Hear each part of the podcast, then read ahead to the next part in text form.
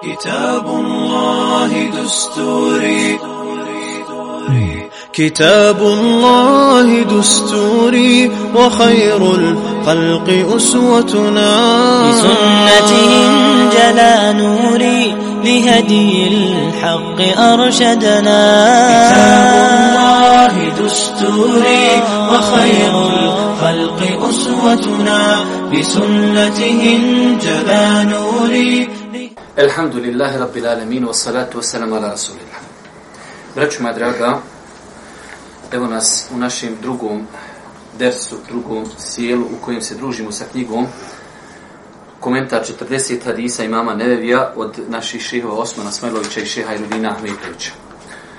U prvom dersu smo malo se družili kao uvodni dio dersa, govorili smo o samoj knjizi 40 hadisa imama Nevevija, Govorili smo malo, kratko, pošto imate to sve u knjizi, govorili smo o samom imamu Nebeviju Rahmetullahi Alihi, nakon toga smo krenuli standardno, čitali smo hadis i nakon toga smo, ajde da kažemo, čitali komentar ovog hadisa. Danas ćemo ako Bog da e, isto tako učiniti s tim što bi volio da nam se neko javi ko nam je naučio hadis na bosanskom, da nam citira hadis na bosanskom, ako E, evo, svi prvi iz desna. Oni koji dođu, znači, blizu, njih nije stras. Oni sjednu blizu. Oni koji dole odu u zadnju klupu. Zadnja klupa je vas za kritična bila. Smo kamera kreći. Ne treba, ne treba. Uh, doista se djela vredno. Idemo od koga je hadis? Uh, hadis uh, od Omera. Od Omera, radijallahu ta'ala, se prenosi da je rekao, čuo sam Allahu poslanika ovaj hadis je sa sami'tu Rasulallah. Čuo sam Božji poslanika da je rekao, šta je rekao Božji poslanik? E, doista se e, djela vredniju samo prema namjerama, svakom pripada ono što je naumio. Pa e, tako da ona, onaj čija e, hijđra bude samo radi Allaha i njegovog poslanika, njegova hijđra je samo radi Allaha i njegovog poslanika a, a čija hijđra bude radi e, neke, dunjal, radi neke žene da bi oženio ili neke dunjaličke koristi, njegova e, hijđra je radi toga. Hadis bilježi Buharija i, Muslim, i drugi. Maš. Pokušajte tok sedmice, pokušajte tok sedmice da naučite hadis, pogotovo ovaj drugi hadis, vidjet ćete, to je najbitniji hadis u islamu koji postoji, to je današnji hadis, opet od Omera radijallahu ta'ala, poznat kao Džibrilu hadis, ja nekad, nekad, nekad u stara, davna vremena dok sam bio još mlađi puno, neke tamo 2006. i 2007. dok sam borio u Isanskom mostu, u neki skoro pa 20 predavanja smo komentarisali sam Hadis Džibrilov. Znači, mjesecima smo sjedili, komentarisali smo taj hadis zato što je taj hadis jednostavno kompletna vjera. I na kraju Allah poslanik Ali se sam kaže Hada Džibrilun etakum ju'allimukum dinekum. To je došao Džibril da vas poduči vjeri. To je najbitniji hadis koji postoji u islamu. Obuhvata svu vjeru. Ovaj hadis, poznat od home, uh, eh, hadis od Džibrila radi, eh, radi, eh, radi Allah ta'ala ili uh, alihi salatu wasalam. Pročitaj nam lagano tekst hadisa. Omer ibn al-Hatab radi Allah rekao je Jednog dana dok smo sedli kod Allahovog poslanika sallallahu alaihi ve sellem pomoli se pred nama čovjek u sasvim bijelom odijelu, sasvim crne kosi. Tragovi putovana na njemu se nisu primjećivali, a niko od nas ga nije poznavao sjede do Allahov poslanika sallallahu alejhi ve sellem i prisloni svoja koljena uz njegova, a stavi svoje ruke na svoja stegna i reče: "O Muhammede, izvijesti me šta je islam." Allahov poslanik sallallahu alejhi ve sellem reče: "Islam je da svedočiš da nema drugog istinskog Boga osim Allaha i da je Muhammed Allahov poslanik." Da obavljaš namaz, da daješ zekat, da postiš Ramazan i da hode častiš kabu ako budeš u mogućnosti. Onda reče onaj nepoznati čovjek, istinu govoriš. Kaže Omer, mi mu se začudi smo, pita ga, a onda mu kaže istinu govoriš. Nakon toga reče taj čovjek, izvijesti me šta je iman. Allahu poslanik sallallahu alejhi ve sellem reče: Iman je da vjeruješ u Allaha, njegove meleke, njegove knjige, njegove poslanike, sudnji dan i da vjeruješ u odredbu dobra i zla. Nepoznati čovjek potvrdi istinu govoriš. Zatim reče: Izvijesti me šta je ihsan. Allahu poslanik sallallahu alejhi ve sellem reče: Ihsan je da činiš ibadet Allahu kao da ga vidiš, a ako ne možeš tako, onda ga obožavaj znajući da on tebe vidi. Istinu govoriš, reče nepoznati čovjek. Zatim reče, izvijesti me o zadnjem času. Allahu poslanik sallallahu alejhi ve sellem odgovori: Upitan je o tome ništa više ne zna od onoga koji pita. Neznanac reče: Onda me izvijesti o predznacima zadnjeg časa. Allahu poslanik sallallahu alejhi ve sellem reče: Da robinja rodi svoju gospodaricu i da vidiš gole, bose, siromašne čobane da se nadmeću u gradnji zgrada. Omer je rekao, zatim ode nepoznati čovjek, a ja, ga neko vrijeme, a ja sam neko vrijeme bio odsutan, sve dok me Allahu poslanik sallallahu alaihi wa sallam ne reče. Omer je, znaš li ko je onaj što me zapitkivao? Ja rekao, Allah, Allah i njegov poslanik najbolje znaju. Allahu poslanik sallallahu alejhi ve sellem reče: "Ovo je bio Džibril, došao je da vas poduči vašu vjeru." Braćo moja draga, e, poslije ćemo mi nastaviti. Ovaj hadis bilježi samo muslim. Ja ću lagano samo da priđemo čisto da biste dobili i pošto kad je čitanje u pitanju, znači jednostavno čovjek se ne može koncentrisati odjednom na sve te informacije, priđemo lagano preko hadisa, pa ćemo početi e, sa čitanjem. Omer radijallahu ta'ala kaže jednog dana smo mi sjedli sa poslanikom, ali se letu wasalam, pa je se pojavio jedan čovjek nepoznat. Nismo ga znali. Ali šta je bilo interesantno? Kaže, bila mu je bijela odjeća i izrazito crna kosa, a mi ga ne znamo. Pa je taj čovjek spojio pri sebi dvije, hajde kažemo, stvari koje se ne mogu spojiti lako kod čovjeka. Ako je čovjek neznanac, logično da da je putovo. Da bi trebao da bude prašnjav i čupav, jer ga niko ne zna. Ne, njega ne zna niko, nije iz Medine, a izrazito bijela odjeća i izrazito crna kosa, znači čist, uredan. To je odmah na samom početku bilo čudno. Kaže, bili smo sa Božim poslanikom, ima rivajta da je rekao Boži poslanik, pitajte me nešto, šta hoćete, pa su svi šutjeli. Pa Allah Đelšanu poslao Džibrila, alaihi salatu wasalam, u ljudskom obliku. Džibril se je dosta puta, kada bi se pojavljivao u ljudskom obliku, pojavljivao se u obliku ashaba koji se zove Dihje, Dihje el Kelbi, znači pojavljivao se u njegovom obliku. Kaže Omar radijallahu ta'ala anhu, pa je taj čovjek došao, nazvao selam, sjeo, tako učitivo, lijepo naslonuo, znači svoja koljena skruž do Božijeg poslanika, stavio ruke i počeo da pita. Pa kaže, o Muhammede, nije rekao o poslaniče, već o Muhammede, kaže mi šta je to islam. Pa je Allah poslanik odgovori ovaj odgovor, Islam je da svjedočiš da nema drugog Boga osim Allaha i da je Muhammed Boži robi Boži poslanik. Da obavljaš namaze, da daješ zekijat, da postiš mjesec Ramazana i da ideš nađa ako budeš u mogućnosti. To su takozvani temelji Islama. Stvari koje mi šta radimo vanjštinom. Islam je znači u ovom kontekstu došao, jer vidjet ćete poslije kad šehovi budu govorili o koristima, kada islam i iman se spominju na istom mjestu, tada islam označava vanjštinu, a iman označava ono što je u srcu čovjeku. Dok ako se spominje pojedinačno, ako reknemo iman, time obuhvatamo islam i iman. Ako reknemo islam, time obuhvatamo islam i iman, ako se spominje samo jedan termin. Ako ispomenimo zajedno, onda islam znači vanština. Ešhedu en la kaže, en tešhede, da posvjedočiš, posvjedočiti znači izgovoriti na glas da posvjedočiš da nema drugog Boga osim Allaha. Qimu salat, da klanjaš namaze, vidno, da daješ zekijat, vidno, da postiš mjesec Ramazana, vidno, da ideš nađa ako možeš vidno. Pa kaže ovaj, oni pazite sad, zamislite to ashabe, došao je čovjek, oni ne znaju da je to Džibril, za njih je to čovjek.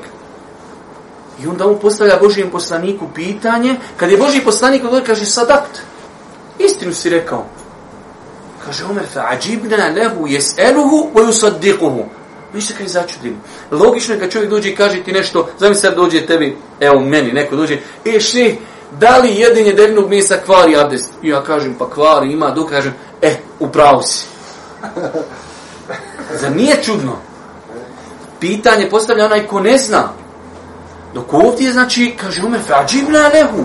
Začudili smo se. Bilo nam je čudno pita, nakon što mu je poslanik odgovorio, ju sad deku, kaže, on mu potvrđuje to. Kaže, dobro, sada istinu si rekao. Ahbirni anil iman, reci mi kaj sa šta je iman? Aha, obavijestio sme šta je tu vanština islama, šta su temelji islama. De mi kaži šta su to temelji imana. Šta ja to moram u srcu imati da bi bio mu'min? Kaži da vjeruješ u Allaha, da vjeruješ u njegove meleke, da vjeruješ u poslanike, da vjeruješ u knjige, da vjeruješ u sudnji dan, da vjeruješ u kader. Opet šta? Kaže sadakt. Opet kaže, istinu si rekao. Opet kaže, Omer, mi se opet začuli smo. Pita pa potvrđuje. Kaže, dobro, kad sam obavijestio o islamu, o vanjštini, šta moram, šta su najbitnije stvari u islamu, Šta su to temelji imana, ono što ljudi ne vidi? Iman je nešto što ne vidi. Stoji, stoji dojica ljudi na cesti. Da li ti možeš odmah znati koji je vjernik, koji je nevjernik? Čak i po vanštini nekada vidiš čovjek, dvojica ljudi stoje, imaju bradu, jedan, on je tamo neki slikar, pustio grava brada da liči, da liči na, na Picasa ili na Da Vincija, nekog tamo još kojih sam ne zaboravio, sam davno sam učio tu, tu onaj, e, nauku. Ova jedan pustio brada da liči na poslanika, ali ti njih dvojicu vidiš na ulici i možeš znati koji je musliman, koji nije. Ne. Osnova imana je u svakako po ahli, ehli sunnetskoj akidije, imano tri stvari sačinje, ali govorimo samo onako na prvi pogled. Pa kaže, gdje mi kaže šta ja moram vjerovat da bi bio mu'min? Da vjeruješ, kaže, u Allaha, da vjeruješ u meleke, da vjeruješ u poslanike, da vjeruješ u knjige, da vjeruješ u sudnji dan i da vjeruješ u kader. Kaže, tačno, tačno, opet potvrđujem. Nakon što je Boži poslanik odgovorio na drugo pitanje, kaže, od, e, sad mi kaže, najveći stepen, vidite kako ide piramida. Prvo vanština, pa iman i gore dolazi vrhunac, ihsan. A šta je, kaže, ihsan? Kaže Allah poslanik, ali se vratu sram, ihsan je da obožavaš Allaha i da mu robuješ kao da ga vidiš. Šeha Hajrudin, oni su i Šeha Osman su preveli, pa ako ne možeš tako, onda je, znači, niži malo stepen, onda treba da znaš da tebe Allah vidi. A može se i prevesti, doista, ako ti ne vidiš Allaha, on tebe vidi. Kaže Sadak, opet istinu si rekao. Pa je za, zaklopio piramidu Islama. Piramida Islama se može podijeliti na tri dijela. Imamo dole, znači Islam, to je vanština čovjek uđe u islam, kaže la ilaha illa Muhammed Rasulullah i za nas je on musliman. Mi sa njim, znači nazivamo mu selam, e, od njega se ženimo, udajemo svoje čirke za njega i tako dalje. Znači on je vanštinu musliman. Šta je u srcu? Allah Želšan najbolje zna. Idemo dalje, iman. To je šest temilja i gore imamo vrh ihsan. Da čovjek dođe na nivo, na stepen, da robuje Allah, ko da ga Allah Želšanu vidi. Jel mislite da je to lako do, dostići? Veoma teško. Jer koliko puta sam vam ja kroz versove navodio, kad kažemo zamisli da, da dođe situacija da danas cijeli dan s tobom sjedi primjer radi šest safet. Da li bi taj dan cijeli dan bio na mobitelu, da li gledao filmove, ej, svi znaš šta je dočas, Juventus igra sa Realom, da je nemoj, da je klasiko, je noćas, svi, sutra ćemo ako Bog da učite. Ma nemamo mi še kompjuter, nemamo mi laptopa, mi ti živimo u 18. stoljeću, še mi smo ti pobožni, mi sam zikrimo. To je pred insanom kojeg ti uvažavaš. A šta misliš ako si svjestan čim da te Allah neprestano vidi? Pa je to savršenstvo Islama, vrh, vrh piramidi. Pa kaže onda ovaj nepoznata osoba koja se poslije ispostavljena da je Džibril, kaže dobro, obavijesti me o sudnjem danu. Kaže Allahu poslanik, onaj koga pitaš ne zna ništa više od onoga koji pita. Da mu odmah rekne, ne znaš, niti ne znam nija. Ne zna niko osim Allah. Onaj kojeg pitaš ne zna ništa više od onoga kogod da si, ne znaš. Ne možeš da znaš jer zna samo Allah, jer on kada će sudi da dobro kaže. Ali da imali neke predznake. Pa je spomenuo dva predznaka. Jedan Ulema je pokušala da, da ga protumači djelimično nejasan, da robinja rodi svoju gospodaricu. Pa su spomenuli razno razne stvari u komentaru toga, to možete inšala naći onaj u komentarima hadisa. I kaže drugi predznak koji je jasan danas ko dan, ko nikad u životu, jeste kada vidiš bosonogi čobane, kako se natječu, siromašne bosonogi čonobe, čobane, kako se natječu u izgradnji visokih zgrada,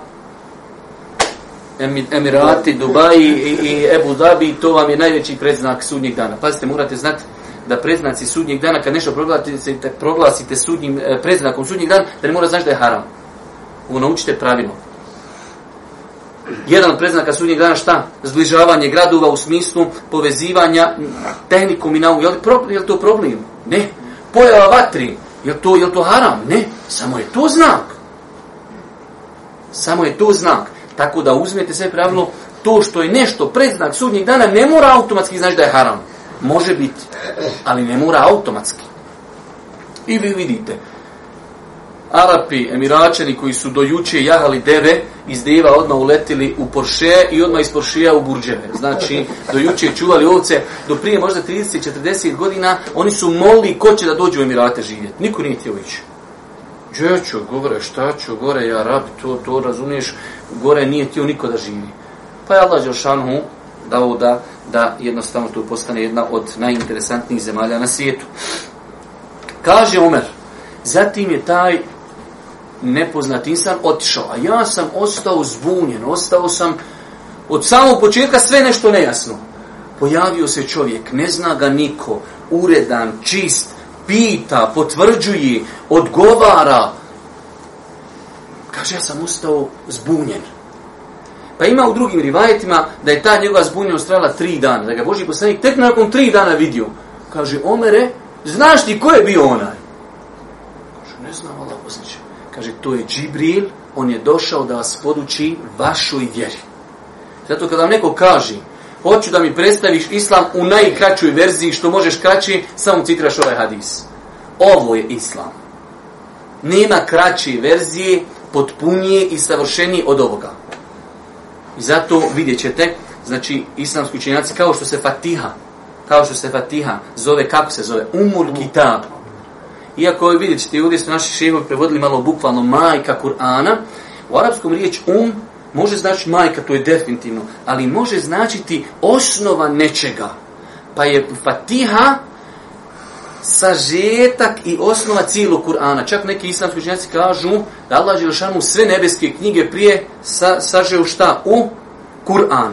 Pa je Kur'an sažeo sav u Fatihu, pa je Fatihu sažeo u šta? Iyake navdu, iyake nesta'in. Pa je Fatiha sažetak i temelj Kur'ana. Pa je i ovaj hadis, može se prevesti bukvalno majka sunneta, ali je bolje malo preciznije prevesti osnova i temelj sunneta je ovaj hadis. Zato kada vam neko kaže, ja bi da me podučiš, hadije, podučiš me islamu, evo islam, tup.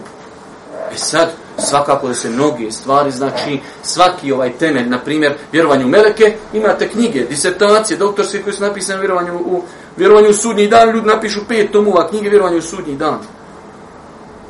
Vjerovanju Allaha knjige. Ali generalno, znači, to je islam. Dobro. Sad nadam se ako Bog da vam je malo ovaj hadis, ono, hajde kažemo, postao Eh, jasni i da imate sad pristav ovom hadisu. Ovaj hadis, rekli smo, da ga bilježi od ovih vjerodostojnih zbirka, eh, ima muslim, ne bilježi ga imam Buharija, prenose ga eh, isto što je interesantno zapamtiti, se četiri e, ashabu sunen, tako i zovu u arapskom jeziku, e, sve četiri e, čovjeka koji su autori sunena, i Ebu Davud, i Tirmize, Ibnu Mađe i Nesaje, sve četiri. I muslim, pet, fali još jedan pa da bude šta u kutubu site. Fali im jedan, znači petorica. Dobro, čisto onako da zapamtite, ali generalno ovo je hadis vjerodostan u, ko, u čiju vjerodostojnost nema nikakve sumnje, kao što je hadis onaj malo prije koji smo citirali, prvi innemel amalu bin nijat, hadis po konsensusu islamskih učenjaka vjerodostojan i ovaj hadis je znači kada je u pitanju vjerodostojnost bilježi ga e, muslim bilježi ga četiri sakupljača sunena E, sa vjerodostojnim lancem prenoslaca od Omera, a prenesen je i od nekih drugih ashaba u nekim drugim verzijama. Vrijednost i značenje ovog hadisa. Ovo je veoma interesantno od Dafiqa el-Ida. Ibn Dakik el-Ida, rahmetullahi alaih, kaže Ovo je veličanstveni hadis, obuhvata sva djela, javna i tajna, spoljašna i unutarnja. Sve šarijatske znanosti vraćaju se ovome hadisu i proizilaze iz njega. Ovaj hadis je poput majke kada je u pitanju sunet jer obuhvata znanje suneta kao što je Al-Fatiha zbog svog sveobuhtatnog značenja naziva se majka Kur'ana. Ja, pogledajte šta kaže, ovo su velike riječi od ovog jednog velikog e, učenjaka, Ibn Daqiq el-Aid. On kaže, ovaj hadis obuhvata sav islam i javna i tajna, odnosno unutarnja djela. Kroz šta? Islam je, rekli smo, vanština, imanje unutarnjost pa ovaj hadis je obuhvatio sve i onda je spomenuo tu poznatu njegovu izreku, njegovu izjavu da je ovaj hadis nešto što je fatiha za Kur'an, ovaj hadis je za sunnet. Znači čovjek kad nauči fatihu i nauči ovaj hadis, fatihom je naučio srž Kur'ana, a ovim hadisom je naučio srž Islama, odnosno sunneta Božih poslanika, ali i salatu wasalam. Nakon toga nam dolazi tri, četiri druge izjave, u svakom slučaju od prilike otprilike sve kruži oko toga. Zadnju ovu Ibn Ređe Prahmetullah Alehi kaže. Ibn Ređe Prahmetullah Rahmetullah Teala rekao je ovo je veličanstveni hadis svojim sadržajem pojašnjava cijelu vjeru. Zbog toga je vjerovjesnik sallallahu alaihi ve sellem i rekao na kraju ovo je bio Džibril došao je da vas poduči vašu vjeru. Ovo je veličanstven hadis. Svojim sadržajem pojašnjava cijelu vjeru. Znači ovo je braćo moja draga naša cijela vjera znači generalno gledajući u globalu. Dobro. Povod hadisa po u citatu imama muslima od Amare ibn el Kaka radi Allah anhu se prenosi da je vjerovjesnik sallallahu alejhi ve sellem rekao pitajte me. A sahabi se stidjeli da ga pitaju pa je došao čovjek neznanac znači ovo je povod zašto je izrečen hadis odnosno kako je došlo do izka se kaže povod hadisa to jest šta je bio razlog da je taj hadis izrečen i da je nastao. Pa je povod taj da je, da je Allah poslanik jedne prilike sjedio sa svojim ashabima Mi smo, jeli, brate, tražiš na koji smo stranici? Mi smo na stranici 35. Ej, našao si. Uh, povod hadisa je da je Boži poslanik sjedio sa svojima sahabima i kazao, pitajte, sad je vrijeme, znači imamo slobodnog vremena, pitajte nešto što želite. Pa su asabi, inače, znači asabi su bili e, prepoznati potem da su malo, malo, malo pitali. I stida iz respekta Božih poslanika, ali se vratu se nam. Čak Enes radijallahu talanu kaže, bilo nam je najdraži kad dođe neki beduin. Beduini dođu, nemaju oni plavo vremena, čuvaju deve, čuvaju ovci, on dođe, gdje je poslanik, evo ga, poslaniće, de mi to, reci to, to, to, to. Poslanik kaže, pojasni, a nama je toliko bilo drago, on nema plavu filozofiju, on dođe, pita, a mi, kaže, naučimo od njega mnogo toga. Pa su nam, kaže, bili dragi beduini, kad dođu, oni bez nekih zatezanja. Poslaniće, de mi reci što me vodi u džennet. Kratko. Vodite u džennet 1, 2, 3, 4, 5. Ja ode kući pa su znači oni takvi jednostavno znači u to vrijeme Medina je bila civilizacija a Badije znači oni kad kažu to jednostavno e, da kažemo e, to su ruralne sredine jednostavno ljudi e, u većini slučajeva znači čuvaju stoku i onda nedostaje malo i edeba i sašta nešto. Dobro e, tema hadisa ovoga generalno šta kaže tema hadisa? Hadis govori o temeljima islama imana ihsana i pojedinim predznacima sudnjeg dana. Znači ovo je kad bi ti neko rekao o čemu ovaj hadis govori samo krenete ozgor svrha ovaj hadis nam govori o temeljima islama govori nam o temeljima imana govori nam o temeljima ihsana i govori o dva e, predznaka sudnjeg dana. Ovo je interesantno prošli put smo to preskočili a u ovom hadisu nam je bitno e, pojašnjenje pojedinih riječi iz hadisa Inače je pravilo kad islamski učenjaci komentarišu hadise, pogotovo na arapskom jeziku, dosta puta određene manje poznate stvari. Sad zamislite, možda neko koji se rodio kao musliman, kad bi čitao u knjigu, kaže, šta je ovo? Ali zamislite da dođe neko, rećemo da je kršćanin, svjedočenju da nema drugog Boga osim Allaha. Šta mu ga to znači? Pa je zato ulema išla tim e, metodama da određene termine koji mogu biti nejasni nekim ljudima, da ih pojasne prije nego što uđu u spomin, znači koristi iz hadisa. Pa ćemo mi to onaj lagano, e, ako Bog da pročitati, pojašnjenje pojedinih riječi iz hadisa. Riječi da svjedočiš da nema drugog Boga osim Allah, šta znači? To je da znaš šta znači riječi la ilaha ilallah, da si ubjeđen u to značenje, da ga prihvatiš, da to činiš iskreno istinito da ti je drago što su sedbenih tih riječi i što si rob istinskog Boga, te da se povedeš za značenjem ovih riječi u svom životu i živiš. Ovo braću moja draga, moramo reći, e, temelj vjeri. Nažalost, e, ja sam o tome govorio mnogo puta, da danas odimo sad dole na Baščaršiju i da zaustavimo 10, 15 ili 20 slučajnih prolaznika i da ih prvo pitamo jesi musliman? Jesam. El, elhamdulillah. De nam reci šta znači la ilaha illallah vidjeli bi koliko bi ljudi znalo odgovoriti na to, makar približno. Šta znači la ilaha illallah? Haj prvo, de nam prevedi. Evo, sam nakon, la ilaha illallah. Samo bukvalno prijevod. Nakon toga, de nam reci značenje. Jer kad bi bukvalno preveli, nema Boga osim Allaha, odmah će reći, kako nema Boga, dole Indija puna krava, sve su to božanstva nema istinskog Boga koji zaslužuje da bude obožavan osim Allah Đelešanu. Tu je značenje la ilaha illallah. Pa la ilaha illallah ima svoji šest, sedam uvjeta. Mora biti izrečeno duboko iz srca, mora se po njemu raditi, moraju se principi la ilaha illallah prihvatiti u životu i tako dalje. Pa je nažalost umet, to vam je za, sad zamislite nemo, nemoguće pojasniti na nekom dunjalučkom primjeru. Da vam dođe čovjek, kaže ja magistrirom, Ili završio srednju školu. Kažeš ti njemu 2 plus 2 koliko je? E, kaj bogam, to mi je poteško. Što me nisi šta jednostavnije razlomke kakve. Već 2 plus 2 to mi je poteško. 2 plus 2 treba da zna svako. La ilaha illallah Muhammed Rasul mora da zna svako. Eto, to je najbolji primjer, ne, ne, čak nije ni najbolji. Čovjek završio fakultet i to je naš umet. Dođeš u džamiju, didovi gledaju, si svezu ruku ovdje ili si ovdje, šta si, kako dok listi nogavice, vallaj da rekne šta znači laj, laj, ne znam. Pa smo mi ošli u razlomke, mi smo otišli daleko, mi ne znamo dva puta dva. Ili dva plus dva, isto. Baš sam ja tako nekada naučio. E, znači, pa je to temelj, pa je to osnova da čovjek nauči šta znači la ilaha illallah i šta proizilazi iz toga, šta znači Muhammedu Rasulullah, evo sad ćemo vidjeti, i šta proizilazi iz toga. Šta kaže? Riječi da je Muhammed Allahu poslanik. To je da prihvati sve što je redostojno od Allahovog poslanika, salallahu alaihi ve sellem, preneseno. Da radiš ono što je naredio koliko možeš.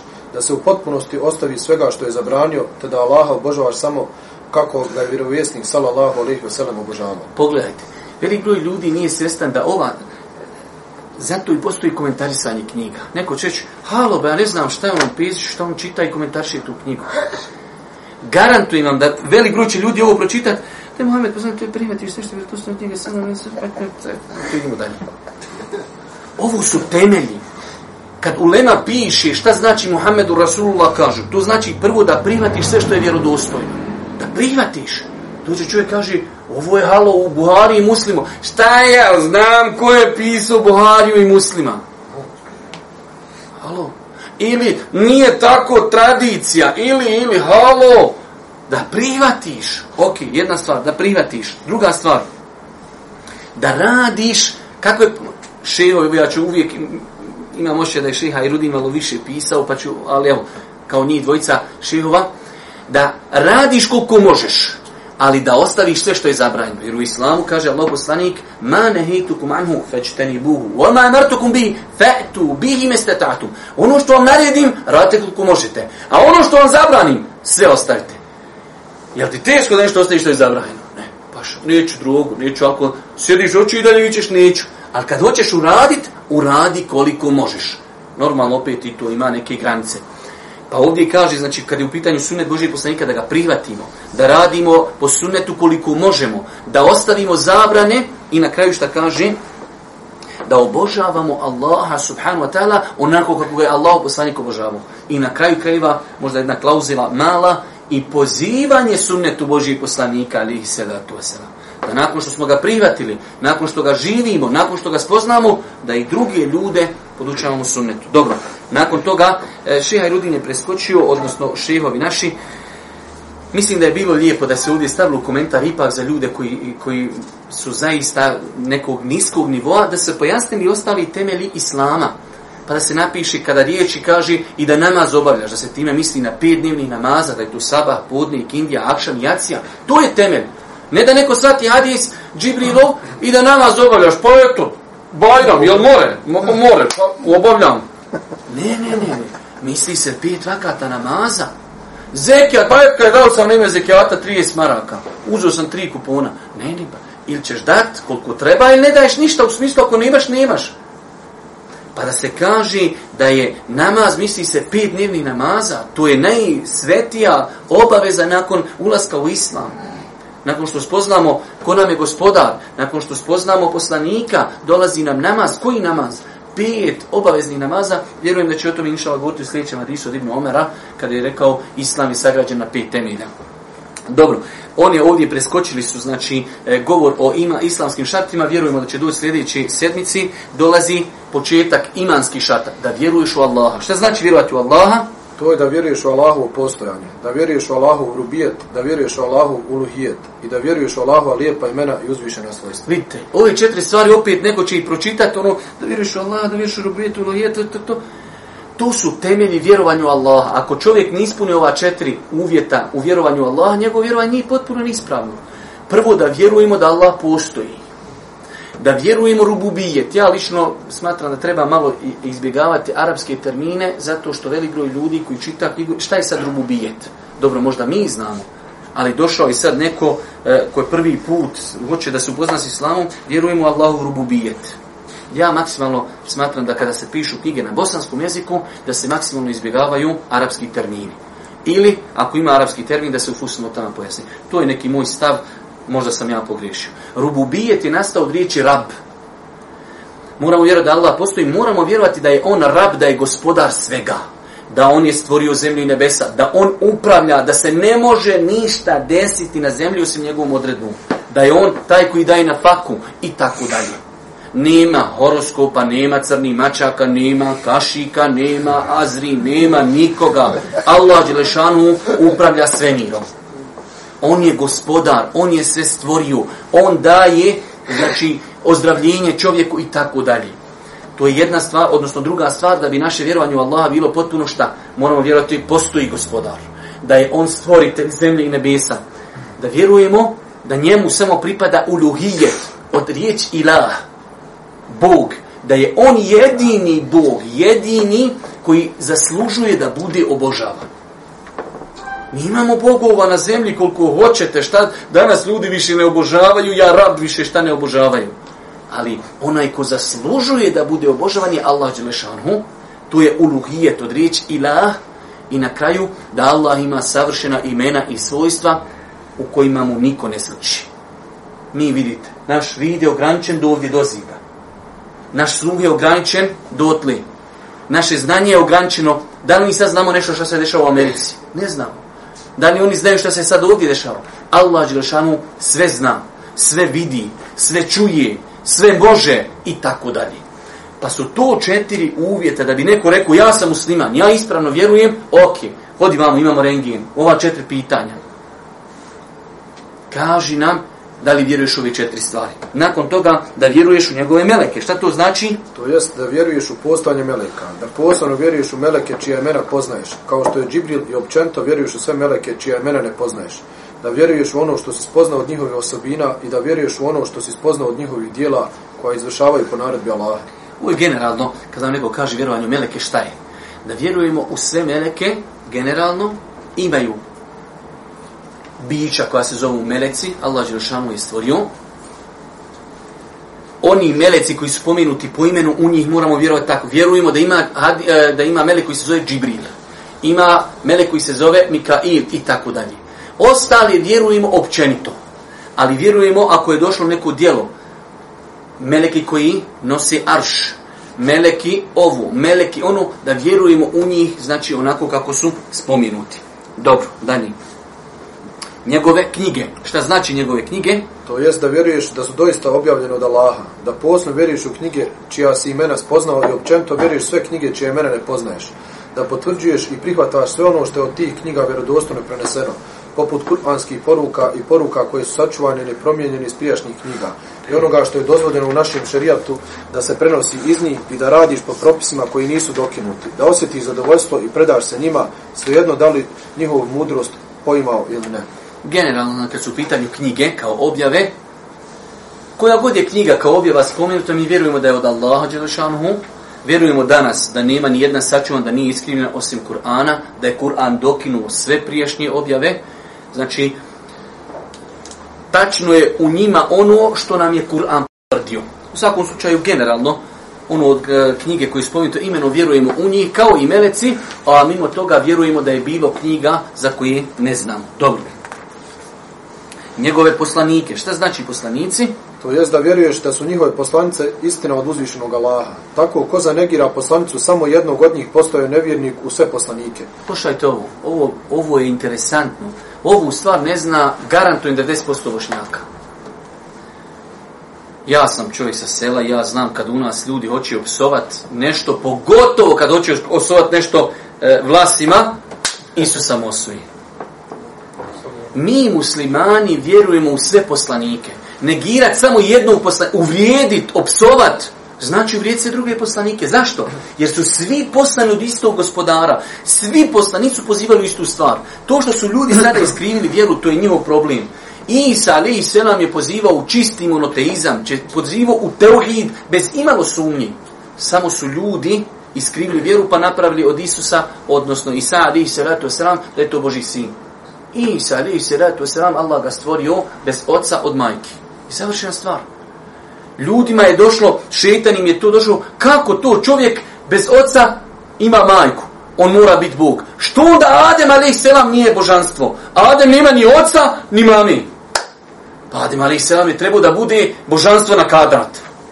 A nikoga nije time proglasio ali zato se zove u Fatihi šta? Vole dolin, ni na put oni koji su zalutali. Pa su kršćani zalutali, definitivno zalutali.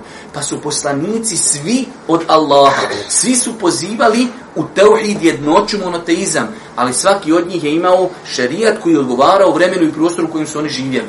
Pa muslimani vjeruju i moraju vjerovati u sve poslanike. I ne smiju ni jednog od njih uvrijediti. Kao što ne smijemo uvrijeti Muhammeda, ni Musa, ni Ibrahima, ne smije nam pas na pamet. Odnosno, ne da ne ga uvrijedimo, da ga volimo. Isa alihi salatu wasalama. Dobro, nastavi.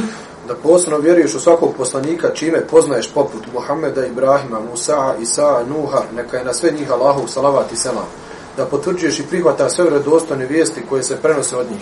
Da radiš po šerijatu onog poslanika koji je poslan nama, a to je Muhammed sallallahu alaihi ve sellem, koji je ujedno pečat svih poslanika i kao takav poslan je cijelom čovečanstvu. Znači, u poslanike, vjerovanje u poslanike, ulazi jedan poseban dio vjerovanja u Muhammeda alaihi salatu wasallam. U, za, za Muhammed a.s. se vezuje da je on poslan cijelom čovječanstvu. Kao nikada neko prije. Priješnji poslanici slani šta? Jednom narodu jednom podneblju, jednom selu, jednom gradu, osim Muhammed a.s. Allah poslani kaže, dato mi je pet stvari, nikome nisu date prije mene, jedna od njih je, poslan sam cijelom čovječanstvu. To je jedna stvar, znači, veoma bitna. Druga stvar, da je pečat poslanika. Danas kad nam dođe neko, kad je proglasio se poslanik, odma x, odma znači nema 0,00, isto na nula piva da razmišljaš o tome. Nula piješ, ako smiješ. Nima za... Muhammed Ali ima jedina verzija da će Isa alaihi salatu wasalam biti pred sudnji dan spušten i radit će po šerijatu Muhammed alaihi salatu wasalam. I zato se za njega ne kaže da je novi poslanik. A s druge strane, njegov silazak je nagovijestio Muhammed alaihi salatu wasalam. Svi drugi koji se pojave, ja poslanik, ja ovo, ja Mehdija, ja vako, ja nako, ja ušao u pećinu, ja izašao iz pećine, sjedi u pećini da štiljaj paša. Ne treba će. Da vjeruje u sudnji dan. To jest da vjeruješ u proživljenje, da vjeruješ u obračun i nagradu, te da vjeruješ u dženeti i vatru. Također, pod vjerovanjem u posljednji dan podrazumijeva se sve što se događa poslije smrti, od čega su iskušenja u kaburu, kaburska patnja i uživanje. Znači, čovjek musliman, sastavni dio naših vjerovanja jeste da vjerujemo šta? Mi ćemo umrijeti i samim tim znači po, po mišljenju islamskog učenjaka, čovjek, znači sve je to vjerovanje u sudnji dan. Jer samim, znači ulaskom čovjeku u kabur, gotovo, za njega završava dunjalučki život i za njega je to već berzah i ahiretski život. Pa vjerujemo da će čovjek umrijeti, da će znači živjeti kaburskim životom, živjeti kaburskim životom, da će biti proživljen, da će polagati račune i da će nakon polaganja računa biti jedno i tri verzije. Ili je nevjernik pa će ići vječno u džehennem, ili je vjernik pa su njegova dobra djela bila veća od e, loših djela, pa će ući u džennet, ili je vjernik, njegova loša djela su nadjačala e, dobra djela, pa će otići u džehennem, da naplati ono što je e, zgriješio, pa će se kad tad vratiti u džennet ako imao istinsku kricu monoteizma u srcu i imana. Nema četvrte kategorije na ahiretu, ove tri kategorije, znači nevjernici, ljudi koji su umrli kao nevjernici, nemaju verzije osim znači vječno ostati u vatri. Muslimani se dijeli u dvije kategorije, onima kojima dobra djela prevagnu loša, oni će ići u džennet, obrnuto ići u džehennem da to naplati i nakon toga kada se vrati u džennet zvači i džehennem lije. Dobro, vjerovanje u sudbinu dobra i zla. To jest da vjeruješ da uzvišnji Allah poznaje sve, detaljno i uopćeno, da vjeruješ da uzvišnji Allah sve to zapisao u Lefi i Mahhuzu, da vjeruješ da sve što se dešava ne biva osim svoljom uzvišenog Allaha, da vjeruješ da sve što postoji jesu Allahova stvorenja, on je stvorio njihova bića, osobenosti i djela. Znači, prvo da vjerujemo il i znanje. Kada govorimo, znači, o sudbini, prvo Allah Žešanu sve zna. Drugo, sve je zapisano.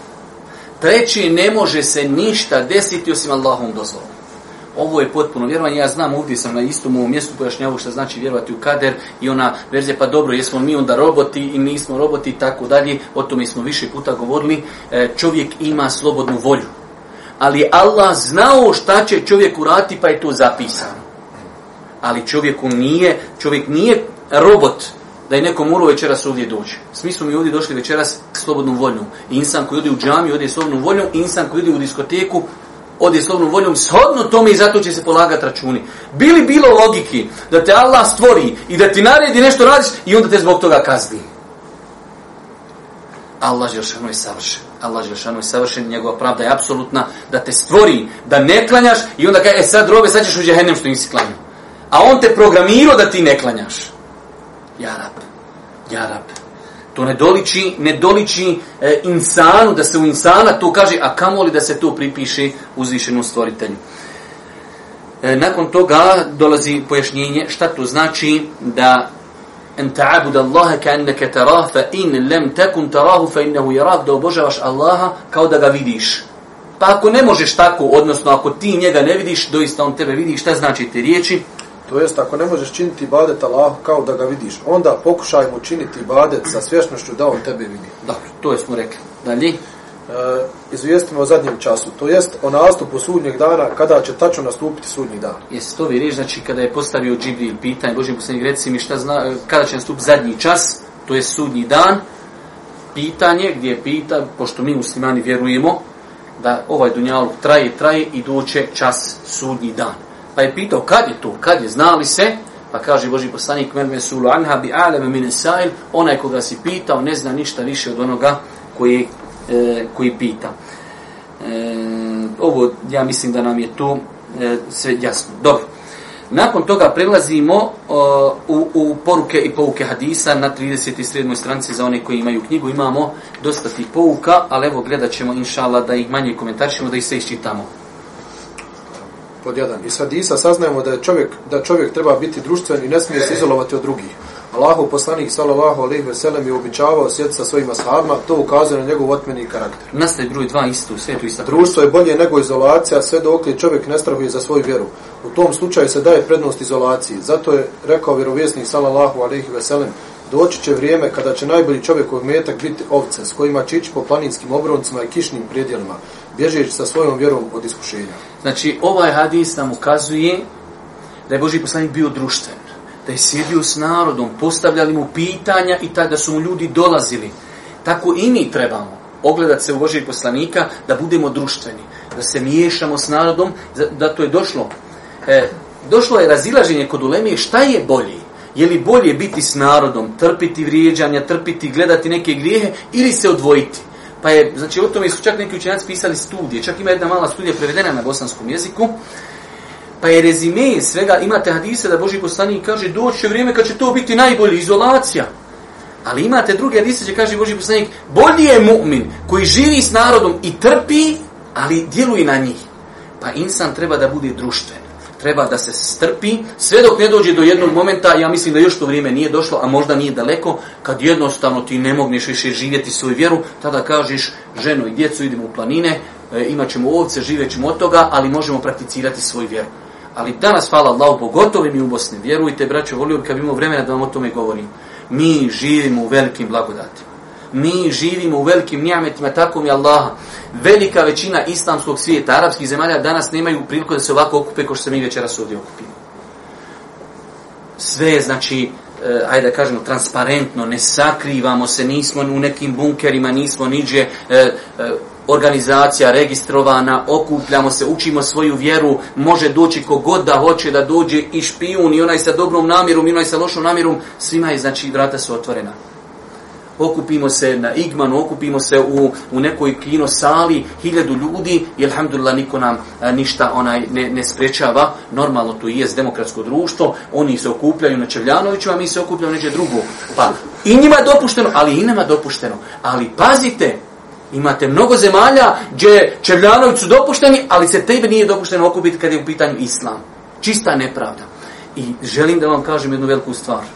Čuvajte ovu slobodu čuvajte ovo što imamo državu u kojoj možemo biti muslimani.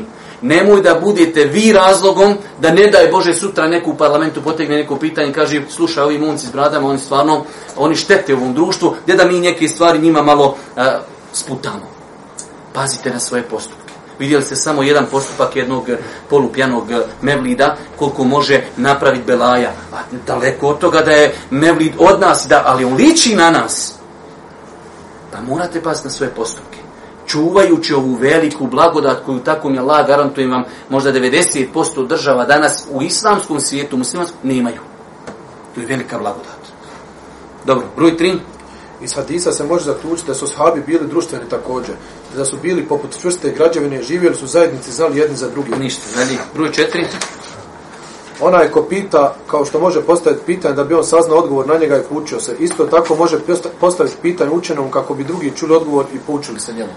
Vidite, ova korist treba i malo samo, znači, pojasniti. U islamu može čovjek doći i postaviti čovjeku pitanje da se poduči sebe. Ima druga verzija da, pod, da postavi pitanje da poduči drugi. Ali tu treba biti pažljiv. Da to ne bude provokativno. Ja znam sad ovdje ima jedan brat, ima na Facebooku 60 frendica. I sad ja da, še, a ja nemam ni Facebook, ja ne znam šta je fil od Facebooka. Še, možeš ti nam pojasniti propise e, ko ima 60 frendica, kakav je on čovjek? Taj čovjek ne velja, treba ga baciti, treba ga ovako. Nije to. Znači čovjek zaista postavim pitanje, želim da se drugi poduči. Ne želim provocirati, ne želim, znači, brate, ako želiš tom bratu kazat nešto, uzmeš ga na stran, kažeš, brate, Allah te nagradio, evo še, pitaj še, a ti, kakav je propis toga? Ali desi se, znači, evo, primjer radi, bio je Ramazan, nastupa šest dana mjeseca ševala, se posti, pa svaki dan i dođe, brate, pa še, Allah te nagradio, on zna to, ali zna da u tom društvu ima ljudi koji to ne znaju. Možeš nam, propis, propis, možeš nam pojasniti propise šest dana ševola? Je to legitimno, nije legitimno? Mora li biti to sve zajedno ili ne mora? Mora li žena prvo na post dana Ramazana pa to postiti? postojiš pitanje i šujek, eh, alhamdulillah, rabbil alamin, 1, 2, 3, 4, 5 i tu bude pet ljudi koji to nisu znali, podučili se. To je ispravna namjera. A da nekoga ti malo, e sad ću ja šehu postaviti pitanje i ima da te šeho sramoti, niješ ga više nikad ući na.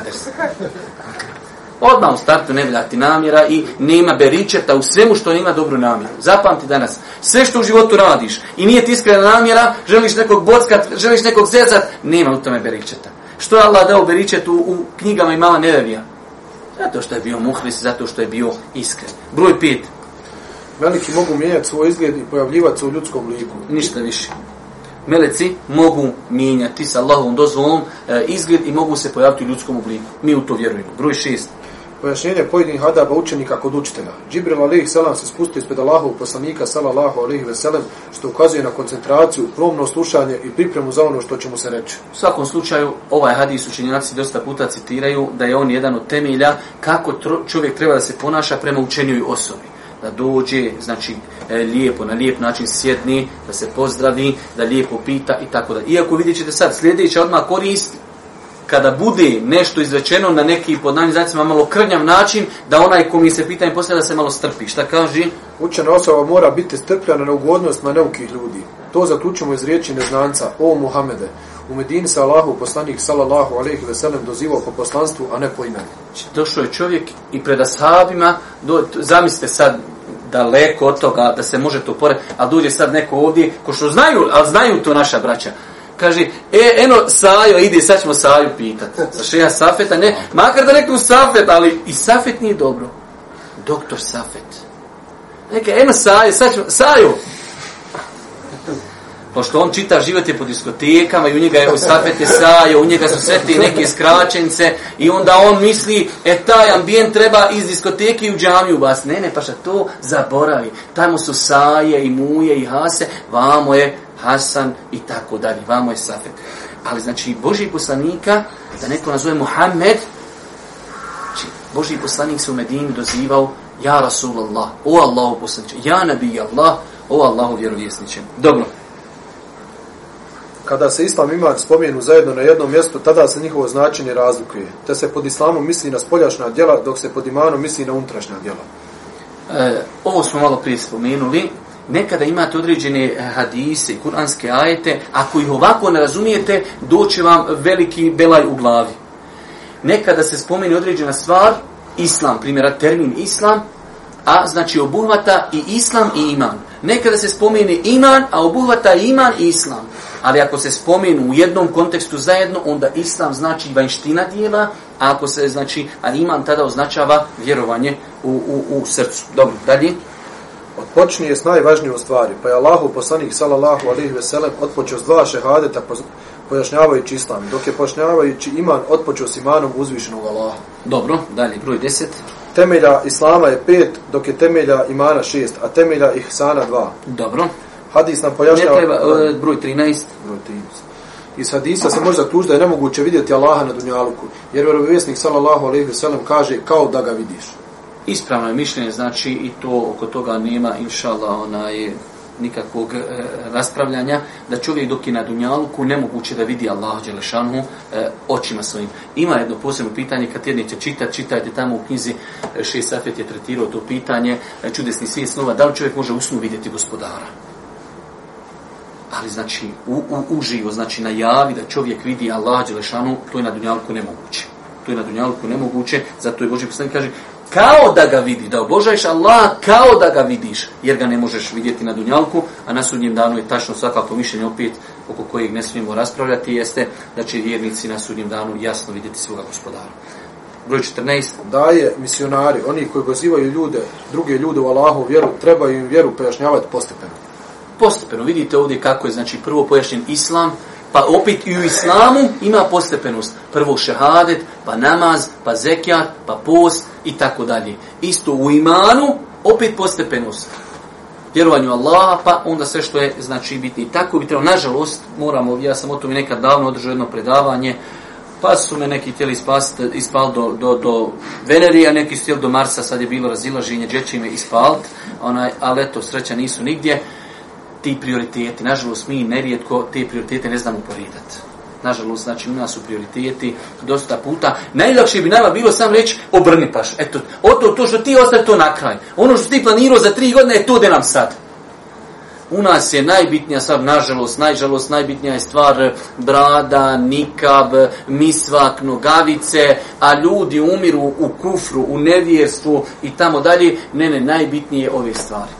Pa znači, prioriteti su nam pobrkani. Dalje. Allahov poslanik sallallahu alejhi ve sellem je dva svjedočenja spojio u jedan stup. Obrazloženje toga je činjenica da se iskreno robovanje i pokoravanje postižu samo kroz dva načina. Prvo je čišćenje nijeta od nejasnoća u čemu se samo Allah namjerava. Drugo je slijedženje Allahovog poslanika sallallahu alejhi ve sellem. Ovo je djelomično pojašnjenje od naših šihova, zašto kada je Boži poslanik rekao svjedočim da nema Boga osim Allaha da i Muhammed Boži rob Boži poslanik, zašto je to stavio u jedan, u jedan kao temelj, zašto to nisu dva temelja? Vjerovanje, svjedočim da nema drugog Boga osim Allaha, svjedočim da je Muhammed Boži rob Boži poslanik i broj tri namaz. Pa zašto je to tako? Zato što znači vjerovanjem u Allaha čovjek čisti svoju namjeru, a vjerovanjem u poslanika čovjek praktično obožava Allah subhanahu wa ta'ala. E, broj 16. Znanje o nastupanju sudnjih dana posjeduje samo uzvišeni Allah. Ništa od toga ne zna ni najbliži melek, ni najodobraniji poslanik. Znači najodobraniji melek, Džibril. Džibril je najodobraniji melek. Muhammed alaih selam najodobraniji rob na planeti. Njih dvojica, jedan, Boži poslanik kaže za Džibrila, ja ne znam, ne znaš ni ti. Kad ne zna Džibril, ne zna poslanik, ko bi mogu znat?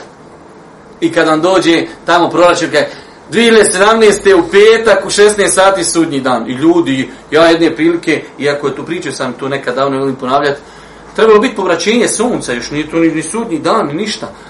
Ja došao, birvati dok sam još bio na selu, Sjede ljudi pred kućom, neće kupi sino. Šta je rekao? Ma ne, kaj danas su najavili sudnji dan nastup, pa ne kupimo ni sino, više odeš i krade, ode sve živo, veli nema više kućeš kupi sino.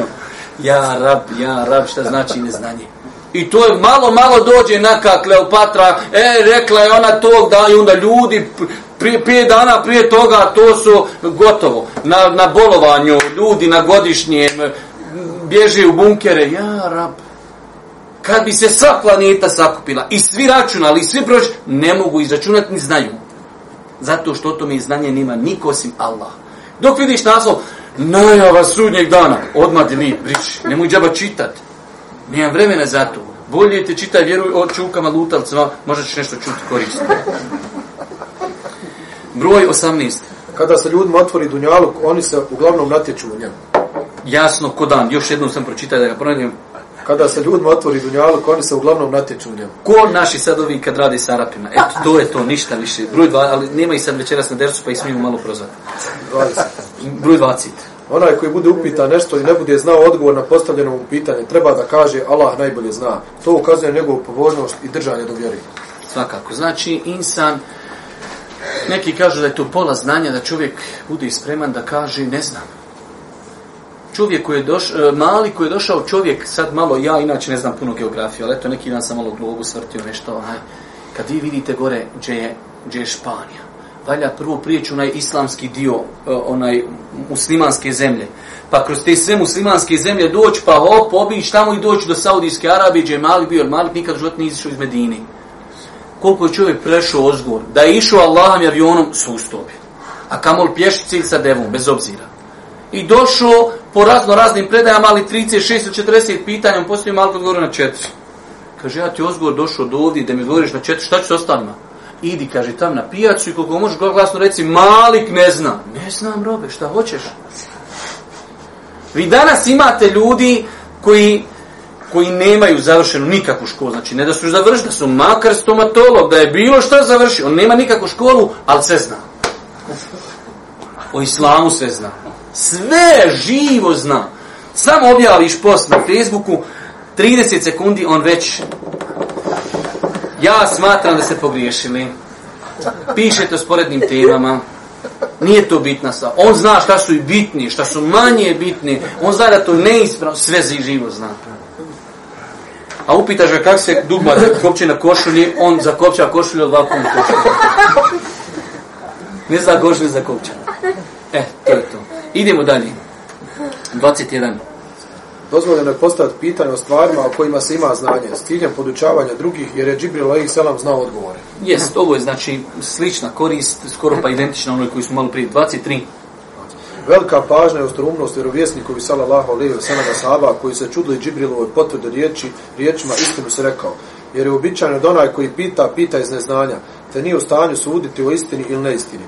Ovo čuđenje nastaje kad im Allahu poslanik sallallahu alejhi ve sellem razjašnjava da je to melek Džibril koji je došao da ih poduči njihovu vjeru. Jasno. Broj 24. Ponekad, ponekada se vjera pripisuje ljudima, kao što je to ovdje slučaj, da vas poduči vašoj vjeri. Jer, jer, su, jer su ljudi zaduženi da praktikuju vjeru, a ponekada se vjera pripisuje Allahu jer on nije zakonodavac. Ne treba. Znači ovdje da ne bi neko došao, znači jednostavno nekad ulema odgovara na određene stvari koje mogu ljudi, hajde kažem, postaviti kao nejasnoća. Ju'allimukum dinekum, da vas poduči vašoj vjeri. Kako naša vjera? El jeume ekmeltu nekum dinekum. Allah Đelšanu istu u Kur'an kaže, danas sam vašu vjeru potpunio. A to je vjera Allahova, Islam. Pa kako nekad se pripisuje Allahu, nekad ljudima? Pa znači, svaka, znači, svaka od ti, od ti dvije stvari ima svoj kontekst. Kad se vjera pripiše ljudima, mislim, to je vaša vjera po kojoj vi trebate živjeti. Po njoj vam je naređeno da živite, nju trebate prakticirati. A kad se pripisuje Allahu, onda Allah Đelšanu je taj koji je objavio tu vjeru. Imamo ovdje e, dva, dva pravila. E, možemo, e, kako se zove, ih kratko pročitati. Prvo pravilo bez čitanja, evo ja ću vam i pojasniti. Za onoga ko daje fetve, ši, šihovi su ovdje navjeli primjere, E, da, e, kako se zove, čovjek bi trebao da bude spreman, jak, da kaže ne znam. Imate ovdje jednu predaju od e, Abdullaha ibn Omara radijallahu ta'ala, da su mu ljudi znali postaviti pitanje, on kaže ne znam. Pa kad su ga pitali šta je, pa kaže oni bi htjeli, bukvalno, evo kako je, kako je rekao, znaš li šta ovi želi? Oni želi da naša leđa učine svojim mostom preko džehennema. De, meni, de ti meni nešto odgovori, a ti to ne znaš, pa ti ćeš biti most preko džene, ti ćeš meni dati odgovor, a ti što si meni dao odgovor, ti ode u džene, jer si dao neki odgovor za, za nešto što ne znaš. Pa čovjek koji odgovara znači pitanja da ljudima treba da da zna gdje su njegove granice kompetencije kad ga neko upita to znam ovo ne znam i završena stvar. I drugo fiksko pravilo jeste e, da je ovdje Boži poslanik malo je to ajde kažemo i možda i poteško shvatiti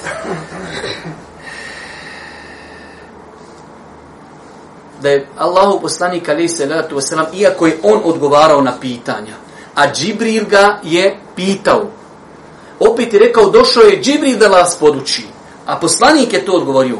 Pa kad je, u, u, toliko su njegova pitanja bila bitna, da je više, znači, Boži poslanik to podučavanje pripisao Džibrilu. Normalno postoje neke druge onaj e, stvari koje se nagrađuju na ova pravila u, u, u kako se zove, vezano za ova, ova fikska pravila, ali eto, samo da shvatite, znači da nema smetnje da to što je Boži poslanik odgovarao na pitanja i on je bukvalno podučio ashabe, Ali Džibril mu je postavljao pitanja, on je to podučavanje pripisao Džibrilu jer je Džibril postavio ta pitanja. Eto, to je, hajde da kažemo, srž ove fikske koristi. Imamo za kraj ta neka pitanja kao pitanje za ponavljanje. Prošli put smo čitali, ali večeras onaj nećemo da što prije napadnemo na ove, e, tamo sam ja vidio da su nam neki čipsiva pripremili, svašta nešto fino. U svakom slučaju, e, pokušajte ovaj hadis naučiti. Ovaj hadis je lahak za naučiti jer mi islamski imanske šarte znamo. Znači dovoljno čovjek zapamti kostur ovog hadisa.